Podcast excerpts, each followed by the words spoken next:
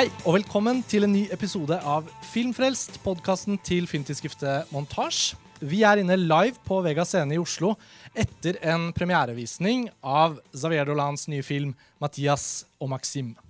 Og I denne episoden så har vi et publikum til stede her i sal 1. Og vi har her på scenen to paneldeltakere som eh, vel er ferske for Filmfrelst eh, begge to. Filmviter Vanja Ødegaard, velkommen. Tusen takk. Du har jo skrevet på montasje ved noen anledninger, men eh, første gang på Filmfrelst. Ja, det blir gøy. Jeg gleder meg. Ja, Og Nils Erik Flatø, Ja, velkommen. Takk. Eh, vi kjenner jo ikke hverandre fra før av, nei. eh, men jeg vet at du er leder for Fri Oslo Viken. Fri Oslo Viken, var det. Ja. nettopp. Ganske Ja. nyvalgt, sant? Ja, Gratulerer med det. Takk. Og eh, du har jo akkurat sittet og sett Mathias og Maxim eh, nå. Ja. Eh, Vanja, du og jeg har sett filmen fra før av. Jeg hadde anledning til å se den en gang til, fordi jeg så den i fjor høst på filmfestivalen i Bergen første gang. Eh, og dette er jo en film da dere som sitter her også nettopp har sett. Og det fine med å lage podkast om en film som ligger sånn helt i, i ferskt på minnet, det er jo at man kan gå rett på følelser. Og ikke gå så teoretisk til verks, men heller bare liksom snakke seg inn i filmen. Og Det syns jeg ofte er en, av de finere metodene. Og da jo, kan jeg jo begynne med deg, da, siden ikke vi kjenner hverandre. Nils Erik. Altså, da du gikk til denne filmen, hva slags forventninger hadde du? Hva, hva, hva slags forhold har du til Xavier Dolan fra før av? Ja, jeg, har, jeg hadde ing, ikke et forhold til Xavier Dolan. Det jeg visste, var at um, det er en ung filmskaper som har laget uh, mye film på kort tid. Uh, noen filmer med skeiv tematikk, andre filmer der det ikke er hovedfokus. Men at det var en film som eh, Der andre filmer kanskje har vært litt dystre, så hadde han endelig funnet eh, litt humor. da. Eh, og eh, ja, en litt mer positiv måte å, å, å fremstille eh, ja, eh, det han ønsket å kommunisere med filmene sine. Så, eh, og så visste jeg at det var skeiv tematikk, så jeg tenkte sånn åh, men så fint, da kan jeg se en, en fin kjærlighetshistorie mellom to menn. Det var forventningen min til Ja. filmen. Ja. Og humor. Ehm, så eh, ble jeg fortalt av noen på Vegas scene før jeg gikk inn, at eh, vedkommende hadde grått gode tårer på slutten av filmen. Mm. Og da tenkte jeg at så deilig, det er de beste typene tårer, så det gleder jeg meg til. Jeg kan jo gråte av en god Gilde-reklame, liksom, så det skal ikke så veldig mye til. Eh, Men ble det tårer? nei, det ble ikke tårer. Nei, nei det gjorde ikke det. Nei. Det skal vi komme nærmere inn på, Ja. for det er jo interessant det, hva slags type følelsesmessige reaksjoner man nødvendigvis har til en film. Mm. Og jeg opplever i hvert fall ofte at jeg kan være utrolig begeistret for en film, men at følelsene jeg har for den, ikke egentlig kommer så mye til uttrykk, men at Mm. begeistringen sitter et annet sted, på en måte i kroppen eller i hodet. eller hvor det er. Og Vanja, vi har snakket litt grann om det nå i forkant, at eh, eh, ditt forhold til Xavier Dolan har også vært litt sånn i påvente av å komme i gang. Og det har kanskje kommet litt mm -hmm. ordentlig i gang nå. Ja, altså egentlig så har jo Altså jeg har jo jobbet med Oslo Fusion, en uh, skeiv filmfestival som er da nå på høst... høst eh, eh, halvåret. Høstkalenderen. Høstkalenderen. Um, og, og jeg har skrevet om skeiv film, og jeg er liksom veldig inne i skeiv film. Men jeg hadde aldri sett en Xavier Dolan-film før. Mm. Det er liksom, jeg hadde alltid tenkt at jeg skulle se Lawrence Anyways, men det er liksom tre timer, og jeg tenkte sånn Åh, ja, men jeg skulle egentlig se med venninne. Ja, okay. uh, og- men det har vært sånn, jeg har ikke sagt det så høyt da, i mine kretser. Jeg hadde ikke han- hørt det før nå. Nei, jeg vet. Um, men um, så, så dette var jo egentlig den første filmen jeg så av han, som jeg så på tirsdag. Og, og jeg er litt sånn Når en, en eh, kulturting, en bok eller en film, blir, eller uh, en regissør blir veldig hypa, så får jeg også litt sånn herre uh, Nå må jeg vente litt til det her legger seg litt, fordi jeg orker ikke å, å komme liksom rett inn i den hypen. Jeg blir litt sånn satt ut av det. Eh, så egentlig så var det ganske sånn perfekt tidspunkt, fordi nå, han, nå har jo han holdt på i et tiår, Mm, litt over mm. et tiår, Mm.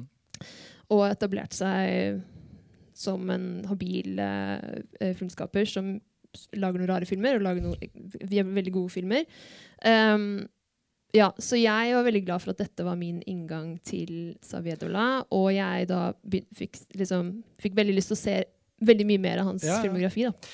Altså, lytterne av eh, på denne podkasten. De som har hørt mye, de har jo hørt oss snakke om Saver Dolan tidligere. I min redaksjon på Montasj så har han vært en filmskaper vi har kunnet opp oppdage på en måte parallelt med at vi har drevet dette tidsskriftet.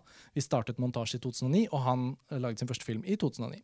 Og kan jo sjekke også med salen. Altså, var det noen her som nå så en Saver Dolan-film for første gang i kveld? Mathias og Maxim? Ja, så det er jo ikke, ikke sant? Det er jo egentlig et fellestrekk. da. Og noen av dere har kanskje sett flere av filmene hans.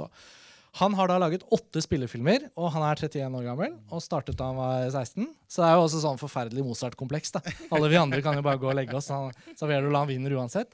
Um, han er manusforfatter, han er regissør, uh, han er kostymedesigner, uh, han er klipper.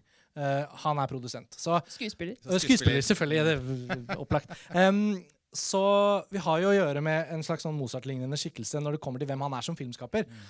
Men uh, vi har jo ikke tid og anledning til å gå gjennom alle åtte. Men jeg kan i hvert fall si, jeg, siden jeg har sett alle, da, kan jeg si at det er uh, alltid noe felles mellom filmene. Men han utforsker alltid liksom en ny ting eller flere nye ting. Så jeg opplever ikke at han repeterer seg selv, og det er ganske imponerende, det òg. Fordi hvis du først har fått litt sånn suksess og er sånn wunderkind, så kanskje du bare gjør den greia hver gang. Tidvis gjør han det, tidvis gjør han det ikke. Og noe av det jeg likte så godt med Mathias og Maxim da jeg så den, var at jeg opplevde at han han hadde kommet noe, altså han var virkelig eh, blitt litt eldre. på en måte. Altså Det er noen sånne modne trekk ved denne filmen som jeg satte veldig pris på. Og så er det andre ting som han har gjort tidligere, og som han gjør igjen her. Som er å gå rett på den grunnleggende vennskapelige eller kjærlighetsfylte relasjonen slik den er i seg selv, istedenfor å feste knagger på den og si at ok, nå lager jeg en temafilm eller nå lager jeg en film som skal ha en politisk sånn og sånn, en brodd for det og det og sånn. Det kommer ut av filmene i seg selv, syns jeg. Men det er veldig sjelden at han har en sånn agenda utenpå filmen. Og det gjør at mange av filmene hans oppleves, syns jeg, veldig sånn sterke på hvordan de skildrer relasjoner. Da. Og så er det noen som har bedre spill enn andre. Og sånn. Og jeg opplever jo sånn at hun søsteren som lager den kortfilmen her i starten, hun er jo en outrert person som tror hun snakker Quebec-fransk på en bra måte. Og de andre kødder med den hele tiden. Jeg syns ikke det er dårlig spill. Men så hørte jeg Birger Vestmo på radioen som ga terningkast tre til Mathias og Maxim, og han klagde veldig over dette. Så tenker jeg nå, vi har ikke sett samme film. Sånn er det noen ganger. Men for å ta oss inn i dette. Dette var jo en film som ganske tidlig viser oss hva den skal handle om. Kjernedramatikken kommer jo liksom veldig tidlig. Du sparte litt på liksom superlativene eller kritikken. altså, når, når rulleteksten kom, hva, hva, hva, følte du? Hva, hva slags film syns du dette var? Um, nei, det er interessant, du som har sett alle, da, at du, kan, at du sier at det handler om relasjoner. Um, og uh, jeg syns jo at filmen er god på veldig mange relasjoner. Relasjon til uh, Altså på innledningen her så fikk vi jo et klipp fra eh, Xavier ja, som sier at dette er en film om mannlig vennskap. Mm. Og hvis det er det, så er det jo eh, en kompisgjeng her som jeg syns skildres på en veldig god måte, og vennskapet dere imellom. Forholdet med moren eh, syns jeg er skildret eh, på en veldig eh, god måte. Um, og har skjønt at uh, forhold til mor er et tema gjennom flere av filmene. Ja. til Xavier. Det er, sånn uh, det er til og med samme skuespiller som har spilt moren gjennom flere år. Ja. Første er vel 'I Killed My Mother'. Ja, ja. Må starte sterkt der, da. Ja. 'I Killed My Mother', film én. Pang. Men jeg syns jo relasjonen mellom uh, Max og Matt mm. var kanskje den som var vanskeligst for meg. Mm. og um, hva skal jeg si føle sterkt for. Um, og så har Jeg tenkt, jeg har faktisk også sett denne filmen to ganger. Jeg så den på tirsdag, og jeg har sett den i dag. Så da jeg så den på tirsdag, og jeg ikke gråt, så måtte jeg på en måte reflektere rundt hvorfor jeg ikke gjorde det. Det er tross alt tematikk som burde treffe meg i mitt hjerte. Uh, tillegg til at jeg er uh, lettrørt. Um, og så tenkte Jeg jeg syns at filmen er godt skapt. Det er gode skildringer av relasjoner og uh, godt spilt. og sånn Men jeg har bare kommet frem til at jeg ikke liker verken Max eller Matt. Ingen av dem, Uh, jeg syns at Matt er uh, personlighetsløs. Mm. og så syns jeg at Max um, Ja er litt ukarismatisk. Mm. De er jo litt lukkede typer. Ja, de er lukket, ikke sant? Det er meningen. Syns du Max er ukarismatisk? Ja, ja, jeg syns Oi, det. Ja. Spennende. Men det er jo helt subjektivt. Ja, ja, ja. Men det påvirker jo på en måte hvorvidt jeg bryr meg om de to da, som personer. Mm. Eh, men jeg syns det er veldig mange andre figurer i denne filmen som har masse personlighet, og som er superinteressante, og som eh, eh, ja, og gjør at jeg ler av filmen og er interessert i filmen og, og syns den er eh, mm. god. Og så er det også noen ting ved Du sier dette her med det politiske, ikke sant? at det ikke er noe du skal treffes i fleisen med. Det skal på en måte bare skje gjennom at du uh, opplever filmen. Og sånn. Og det, det, er jeg helt enig i. Det er jo da film er god, tenker jeg også. At det ikke mm. er sånn 'Å, gud, her er det en agenda', og symbolikken er bare mm. overtydelig. Men allikevel så er det noen ting uh, Jeg som ung filmmann som skal se en film om to menn som får følelser for hverandre, da, mm. allikevel reagerer på, og, og, som plager meg i filmen. Og det er f.eks. det at altså, vi får vite i filmen at uh, de har kysset tidligere, men da var de høye på ecstasy. Mm. Neste gang de kysses, så er det fordi at en har tapt et veddemål. Og tredje gang de uh, gir uttrykk for følelsene for hverandre, så er de også veldig ruset. Og for meg da, så hadde jeg hatt glede av å se en film der, kan, der disse to guttene kunne faktisk gi uttrykk for følelsene for hverandre når det ikke er de omstendighetene rundt det. Mm. Det er det vi får av forholdet deres når det er nært og intimt. da. Mm. Ikke sant? Altså Bortsett fra all lengselen og indre ja. konflikten og sånn ellers i filmer, så syns jeg at akkurat det også var sånn Det er en sånn eh, ja, en litt sånn eh, klisjémåte å fremstille at det er eneste måten man kan ta på hverandre på, som jeg trodde vi var ferdig med i fucking Åmål for 20 år siden. på en måte. Så, eh, så det, det, det, har også plagd meg litt med, med denne filmen. Og, mm. Det er en realistisk fremstilling, helt sikkert. Det er selvopplevd for flere av oss. Eh, og det er lov å lage film om det, og, og det kan gjøres på mange måter. Men ja, bare sånn, mm. det var, hvis vi snakker om min opplevelse av filmen, så, så, så um, ja, er det noe jeg satt igjen med, da. Kan jeg spørre om liksom, hvordan da den aller siste scenen hvor han da liksom faktisk kommer og er sånn herre Sparker litt sånn Litt sånn derre eh, Sixteen Candles-aktig kjekkas. Sparker litt i grusen sånn Hei, jeg vil ha deg likevel. Altså, Hvordan var det den slutten? For der var det jo Vil, han det? Jeg er ikke sikker på at jeg vet at det Nei, okay. er slutten. altså. Nei. Eh, det er lite i den filmen som forteller meg at det var ikke noen flyplassscene hvor altså, eh, Jeg hørte et intervju med Xavier Dolan hvor han sier sånn forskjellen på kommersiell film og uavhengig film er hvorvidt du får en lykkelig slutt. og dette er en uavhengig film, og jeg vet ikke om jeg fikk en lykkelig slutt. Jeg skulle gjerne hatt en flyplassscene med proklamasjoner som kunne fortalt meg oh, ok, greit, jeg hadde problemer frem til nå, men endelig. Den, den fikk jeg ikke. Eh, så jeg er ikke sikker på at det var uh, det um, det betød at han sto uh, der. Det er interessant egentlig for oss alle alltid forholdet mellom forventning og opplevelse. Mm. Altså, Bygges forventninger opp for mye ditt og datt, så ser du etter det i filmen. sånn jeg eh, skulle se en ny Xavier Dolan-film og rakk ikke å tenke så mye på om denne kommer til å bli mer eller mindre rørende. For mm. Så jeg Sånn, det var ikke sånn det som jeg hadde som sånn markør da jeg gikk og så den, f.eks. Mm. Uh, jeg ble uh, beveget av den. Ikke, det var ikke min hulkefilm, på en mm. måte. Uh, A Perfect World med Kevin Costner. det er litt sånn hulkefilm for meg, f.eks. Mye sånn far-sønn-tematikk. Plutselig knekker jeg sammen. Sånn. Mel Gibson, 'Mannen uten ansikt' på TV Norge på 90-tallet. Okay, så det er liksom sånn hva, som, hva vi hulker av. Hvem vet? Så forventningene mine var ikke det. Men en ting som jeg synes er spennende med det du sier, det er jo at en av dine forventninger som noen hadde sagt, var liksom, nå er det litt sånn glad eller sånn humor, eller hva det det du sa? Mm. mm. Og det syns jo ikke jeg filmen egentlig har. Altså relasjon, Gutterelasjon, kamerat altså Når de kødder med hverandre og sånn, det er jo på en måte humoristisk innad i dem, og så er det litt sånn vi ser på det. Men jeg er jo enig med deg. Jeg syns jo ikke den har en happy ending. Mm. Og jeg syns også at de får aldri liksom uttrykt seg overfor hverandre. Jeg snakker jeg, aldri om det. Nei, Og det gjør filmen veldig trist for ja. meg. Altså, det, det, du mener at, eller Jeg er enig med deg, på en måte, mm. men jeg, jeg, reagerte ikke så sterkt på scenen, for jeg følte at de handlet jo om forknyttet.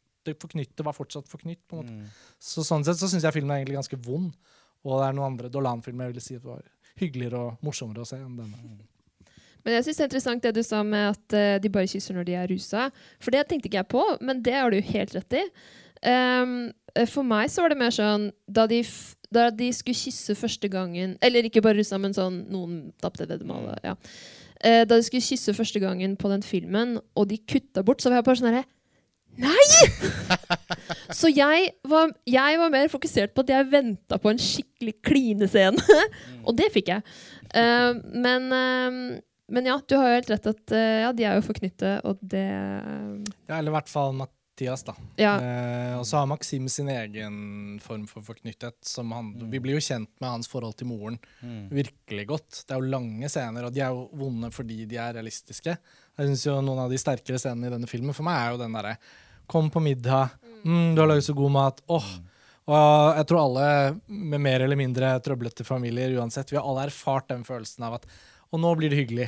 Mm. Eh, og så når det begynner å sprekke opp, så er det som om liksom begge er egentlig lunten til hvert sitt fyrverkeri.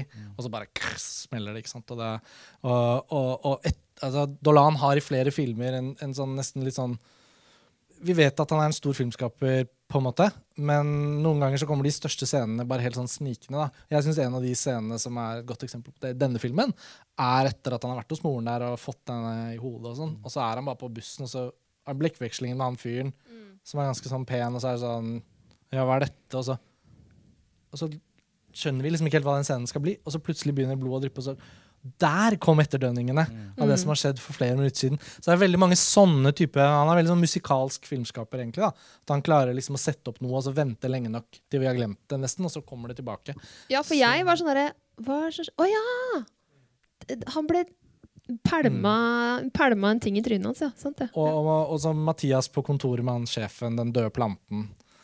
Og så noe annet, og så noen minutter senere, og så tilbake igjen, og så er planten borte. Det er mange sånne poetiske trekk i filmen som jeg setter veldig pris på i seg selv som filmskaper. Jeg har skrevet om plantene i notatene mine. Kan jeg spørre dere som er filmeksperter, hva i all verden den planten skulle symbolisere?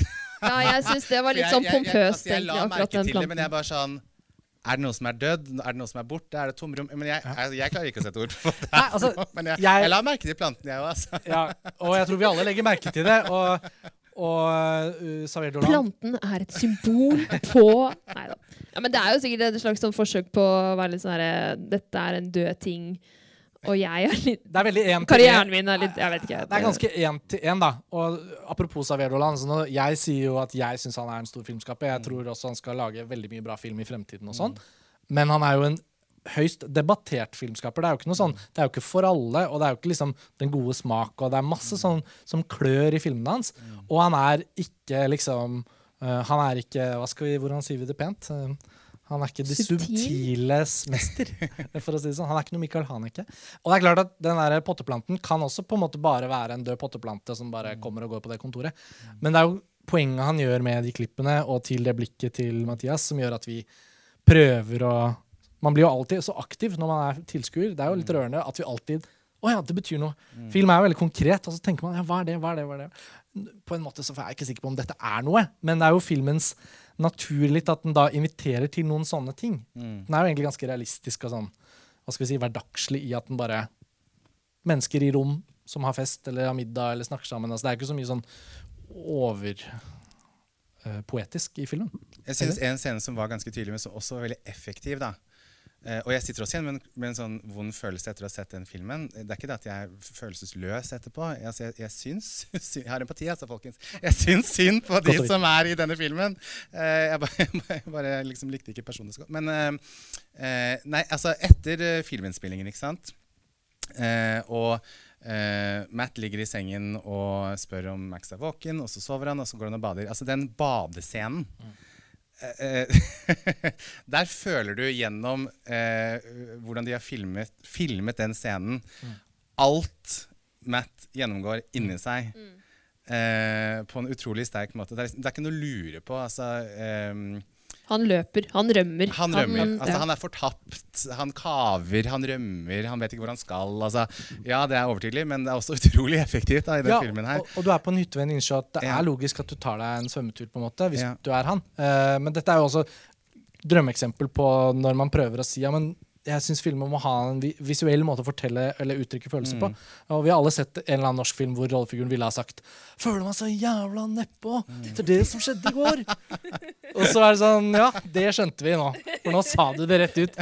Men det er jo veldig flott med den. Jeg er helt enig, den gjør veldig inntrykk. Så jeg syns jo en, en film som dette, i hvert fall etter min smak, har jo da flere scener som er litt sånn bedre enn de trengte å være. Men fordi de liksom gjør det lille ekstra, så får filmen en litt sånn opphøyet filmatisk verdi. da. Og det må man jo si om den tredje klinescenen hvor de er eh, nesten litt sånn for aggressivt inni det. Der er jo også, Det kunne jo også skjedd i et hvilket som helst rom på en hvilken som helst type fest. Men han får det til å skje i et vaskerom hvor det tilfeldigvis pusses opp et vindu, sånn at når de andre i sakte film er ute i regnet og tar inn tøyet, så kan han bevege kameraet over. Og så plutselig er vi bak en sånn plastduk med dem. Altså sånn, Og så kommer det Titanic-øyeblikket. Ja. Ja. ja, men ikke sant? Du må være liksom filmskaper og tenke bilder for å gjøre det på den måten. da hadde det også gått an å bare gjøre det. liksom. Sånn, her skal dere stå. Og han elsker jo film, og jeg leste et intervju hvor han var sånn derre eh, hvor han, snak, hvor han ble spurt om sånn, hvilken skuespillerinne er det du Hvis du kan velge hvem som helst, så sa han Kate Winslet. Det er Kate Winslet. Jeg elsker Titanic. Overalt på jord. Kate Winslet er everything. Så Ja. jeg var sånn herre Åh, en deilig liten hommage til, til uh, Titanic i den uh, klinescenen. Ja, og det er jo ganske mange sånne ganske fine popkulturelle referanser her. Også litt sånn nye. Denne, hele den Dark Night Rises popkulturelle referansen Ja. er jo litt sånn fersk og fin. Eh, Men det er en ting han pleier han å, å pepre filmene sine med popkulturelle referanser. jeg Eh, Karsten Meinick, som er uh, Dolan-ekspert. Nei, altså, jeg opplever i hvert fall at han er en filmskaper som ikke er redd for å ta i bruk sin smak da, litt sånn aktivt. Og med det mener jeg at uh, mange filmskapere er jo, har, jo, har jo god smak. Så de gjør jo ikke det de selv syns er fett, men de tenker sånn lage, Det er jo en sånn sykdom i Norge, da. Man skal vise hvor flink man er. og så liksom, Nå skal dere få se hvor fin film jeg kan lage. Og så er det på en måte ingen smak, fordi det er så god smak at det går gjennom lerretet, og så er det sånn Ja, dette så jo Hvor er dette? Er det i Oslo? Jeg, det er noe grått og noe granitt, og det ser flott ut, men Ja, jeg vil ikke hatt det sånn hjemme. Mens Dolan er jo mer sånn alle bildene skal være sånn som jeg vil hatt det hjemme. ja. Jeg, jeg føler som at man bruker smaken sin hele tiden, og det kan ha med popkulturelle referanser å gjøre.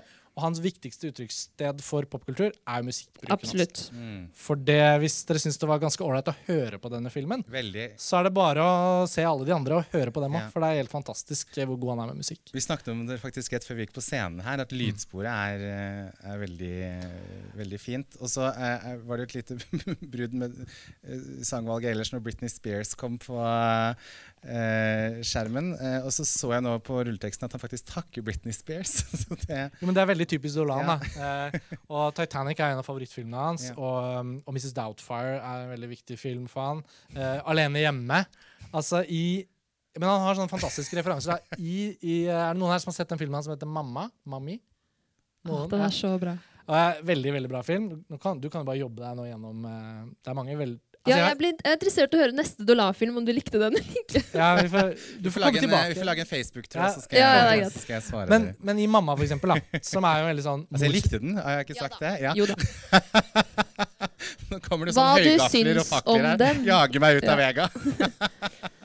Vi så han øverst i trappene, og etter det så Nei, men I den filmen hans som heter 'Mamma', som egentlig er den mest anerkjente han har laget, da, Mm. i den form at den fikk pris i Cannes, og den ble veldig sånn, det ble litt hans gjennombrudd. da. Mm. Um, der er det jo da en historie og en tematikk som liksom ikke har noen ting med juleklassikeren 'Alene hjemme' å gjøre. Mm.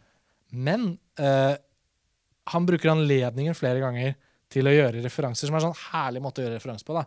Eh, hun, eh, Moren da, skal hjem med en bærepose, akkurat som Kevin gjør når han har vært i butikken med kortet til. Og så kommer hun, og så, liksom, å, så ryker bunnen ut av posen, og så faller alt ned. ikke sant? Og Det er sånn eksakt fra Alene hjemme. Et annet hvor han hovedpersonen, han unge jeg ikke helt hva han Steve. heter. Ja, Steve. Hvor han liksom tar sånn, gjør sånn. Akkurat som Kevin, ikke sant? Ja. Nå fikk ikke podkastlytterne med seg det. Men jeg lagde det der skrikeansiktet til Kevin. Så det er noe veldig sjarmerende og smittsomt over hvordan Xavier Dolan i all sin feilbarlighet da, bruker av seg selv i filmene og dynker dem med sin smak og sine, sine talenter og sine feil. Og da, noe av det som gjør at jeg syns han virkelig er spennende som filmskaper, er jo også at han ikke egentlig lager perfekte filmer. Han lager ikke sånne gjennomtenkte filmer som du på en måte nesten ikke kan kritisere, for det er så bra lagd. Tidvis er det veldig bra lagd, men det er noe sånn stofflig. Du føler liksom at filmen nesten kan løpe av gårde fra deg i noen scener fordi den er litt sånn vill eller uflidd. Og han er litt sånn selvlært òg, siden han startet så ung. Så Mathias og Maxim uh, Det er ikke liksom topp tre Dolan for meg, men eh, jeg syns jo hans svakeste film på en måte fortsatt er en bra film. Uh, mens Lawrence Anyways er da det store mesterverket. Og det er, det er en film som jeg som aldri har vært sett nok. Den ble aldri satt opp på norsk kino, og på montasje, så de som har fulgt oss, har jo fått med seg at vi har snakket om den filmen veldig mye. Og satt opp spesialvisninger og prøvd å liksom få den opp og frem i lyset. Men den, også i forhold til samtaler om ting i dag, da, hvor det handler om en mann og en kvinne som er i et vanlig Mm. heteroforhold, Mm. og så har han åpenbart over lang tid gått og brygget på følelsen av at han eh, er født i feil kropp, og at han egentlig er kvinne, og at han fortsatt vil være sammen med henne, og de elsker hverandre. Og den utspiller seg over ti år, og den har noe sånn episk og liksom langvarig over seg. Ja, den er to timer og 40, det er ikke helt tre timer.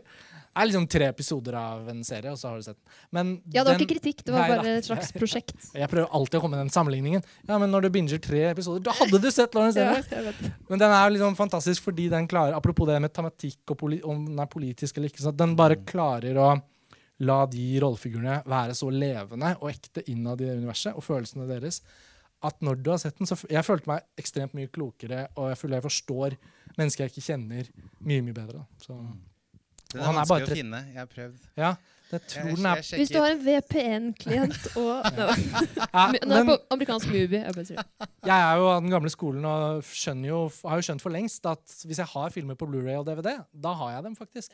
Og de selges, altså den selges på platekompaniet til 99 kroner på DVD, da. Uh, men det er den verdt. Uh, ja. Det var min lille Jeg prøver alltid å reklamere litt ekstra for Lawrence Anyways, men den er eh, kjedelig utilgjengelig. Ja, for jeg var sånn. veldig overrasket over at jeg ikke Ja. For den hadde jeg planer om å se på Ja, onsdag. Og da ble det Mami isteden, som også er helt sånn fantastisk. da. Ja. Men um, den kan lånes. av deg. Bare å sende melding. Ja. Ehm, vi sa en halvtime. Jeg tror faktisk det betyr at vi må begynne å avslutte. Skravla går. Kan jeg bare si én ting, da? Ja, for da må vi liksom For jeg er ikke bare her som privatperson. ikke sant? Ja. Så, så jeg har bare lyst til å si helt til slutt altså, Nå har jeg fortalt om mine subjektive opplevelser her. Og, og eh, igjen, altså, kunstnere skal få lov til å lage akkurat det de vil. eh, og så sitter man som publikum igjen med den følelsen man har. Ehm, men men, men eh, bare sånn for å bygge litt større på det jeg uttrykker for, så tenker jeg at jeg har tenkt på det at, ikke sant? ehm, Ja, film kan vise ting sånn som det er, men det kan også vise ting sånn som det kan være. da. Og en ting jeg skulle ønske at vi kunne se mer av i skeiv film, det er film som viser hvordan ting kan være. Eh, ikke sant? Eh, som viser, hvis det sitter eh, eh, menn i publikum som ser denne filmen, og det er veldig mye indre konflikt og lengsel og eh, umulig kjærlighet, Mm. så eh, er det lov, og det kan være riktig beskrivelse av situasjonen, men eh, film er også en veldig ehm, sterk måte å ehm, fortelle oss hvordan samfunnet kan være. Da. Mm. Så litt flere filmer der det er eh, kjærlighet uten at man må tape et veddemål, eh, og hvor eh, konklusjonen er at eh, man får en kommersiell lykkelig slutt, eh, eh, håper jeg det blir mer av, da. Mm. Eh, Selv om det ikke trenger å ha noe med denne filmen å gjøre, så, eh, så ønsker jeg meg det. Mm. Men det er jo noe vi har snakket om i Fusion eh, veldig mye. At vi, vi ser veldig et etter de filmene som uh, hvor uh, skeiv kjærlighet ikke er konflikten i Mm. filmen. Um, og det er det flere og flere av, men de er jo ofte indie-filmer. og det, altså sånn, Man skal lete litt, da. Mm. Så ja. På liksom eh, vanlig kino så, så er det litt lengre mellom de filmene. Bra parole. Jeg er alltid veldig optimist. Og jeg synes jo det å være filminteressert eller jobbe med film og liksom se at hvert år så kommer det hundrevis av nye filmer, og de kommer fra alle mulige steder i verden. Og hvert år så kommer det alltid mer enn én. Det kommer alltid noen nye filmer som er sånn Dette har jeg ikke sett før. Endelig kom den filmen. Uh, og, og selv om koronaens tid har gitt oss alle en liten knekk i forhold til eh, å se mennesker møtes på flyplassen og klemme hverandre og sånn. Bare det å se folk liksom være gode venner eller kjærester i offentligheten er jo liksom blitt sånn Når så jeg det sist? Jeg vet ikke. Um, men eh, Hver gang noen deler glass på TV, så Ja. får jeg angstanfall. ja, noen er på konsert, og jeg bare sånn Hva er det dere så, Men vi holder på med? skal tilbake til, eh, håper jeg, en verden hvor, eh, hvor man eh, ja, er mennesker igjen på den samme måten som vi pleide å være. Men på film så kan, som du så fint sa, eh, så kan drømmen om noe vi ikke har sett, bli virkelig. Og kanskje nettopp fordi det blir virkelig på film, så kan det også bli virkelig i livet. Da. Og det har jeg tro på. Og jeg har tro på at vi kan få se det i Saverdolands filmer også. Og forhåpentligvis andre filmskapere som vi enten skal se på Oslo Fusion, eh, som jo du har vært en fanebærer for, og eh, her på Vega. Og eh, gå for all del gjerne inn på montasje og les om vi driver og anbefaler noen sånne type filmer. Det kan godt hende. Tusen takk for at dere ble sittende, alle sammen. Uh, Syns dere filmen var bra, så er jo dette en sånn type film som trenger at man snakker om den og anbefaler den videre. Og sånn. Og lytterne der hjemme håper jeg har ikke tatt seg nær av at vi snakket litt om handlingen lenger enn de første 20 minuttene. Uh, Nils Erik og eh, Vanja, tusen takk for at dere var med. Så håper jeg vi kan komme tilbake og snakke mer om en annen film neste gang. Ja. Tusen Takk for nå. Ha det bra.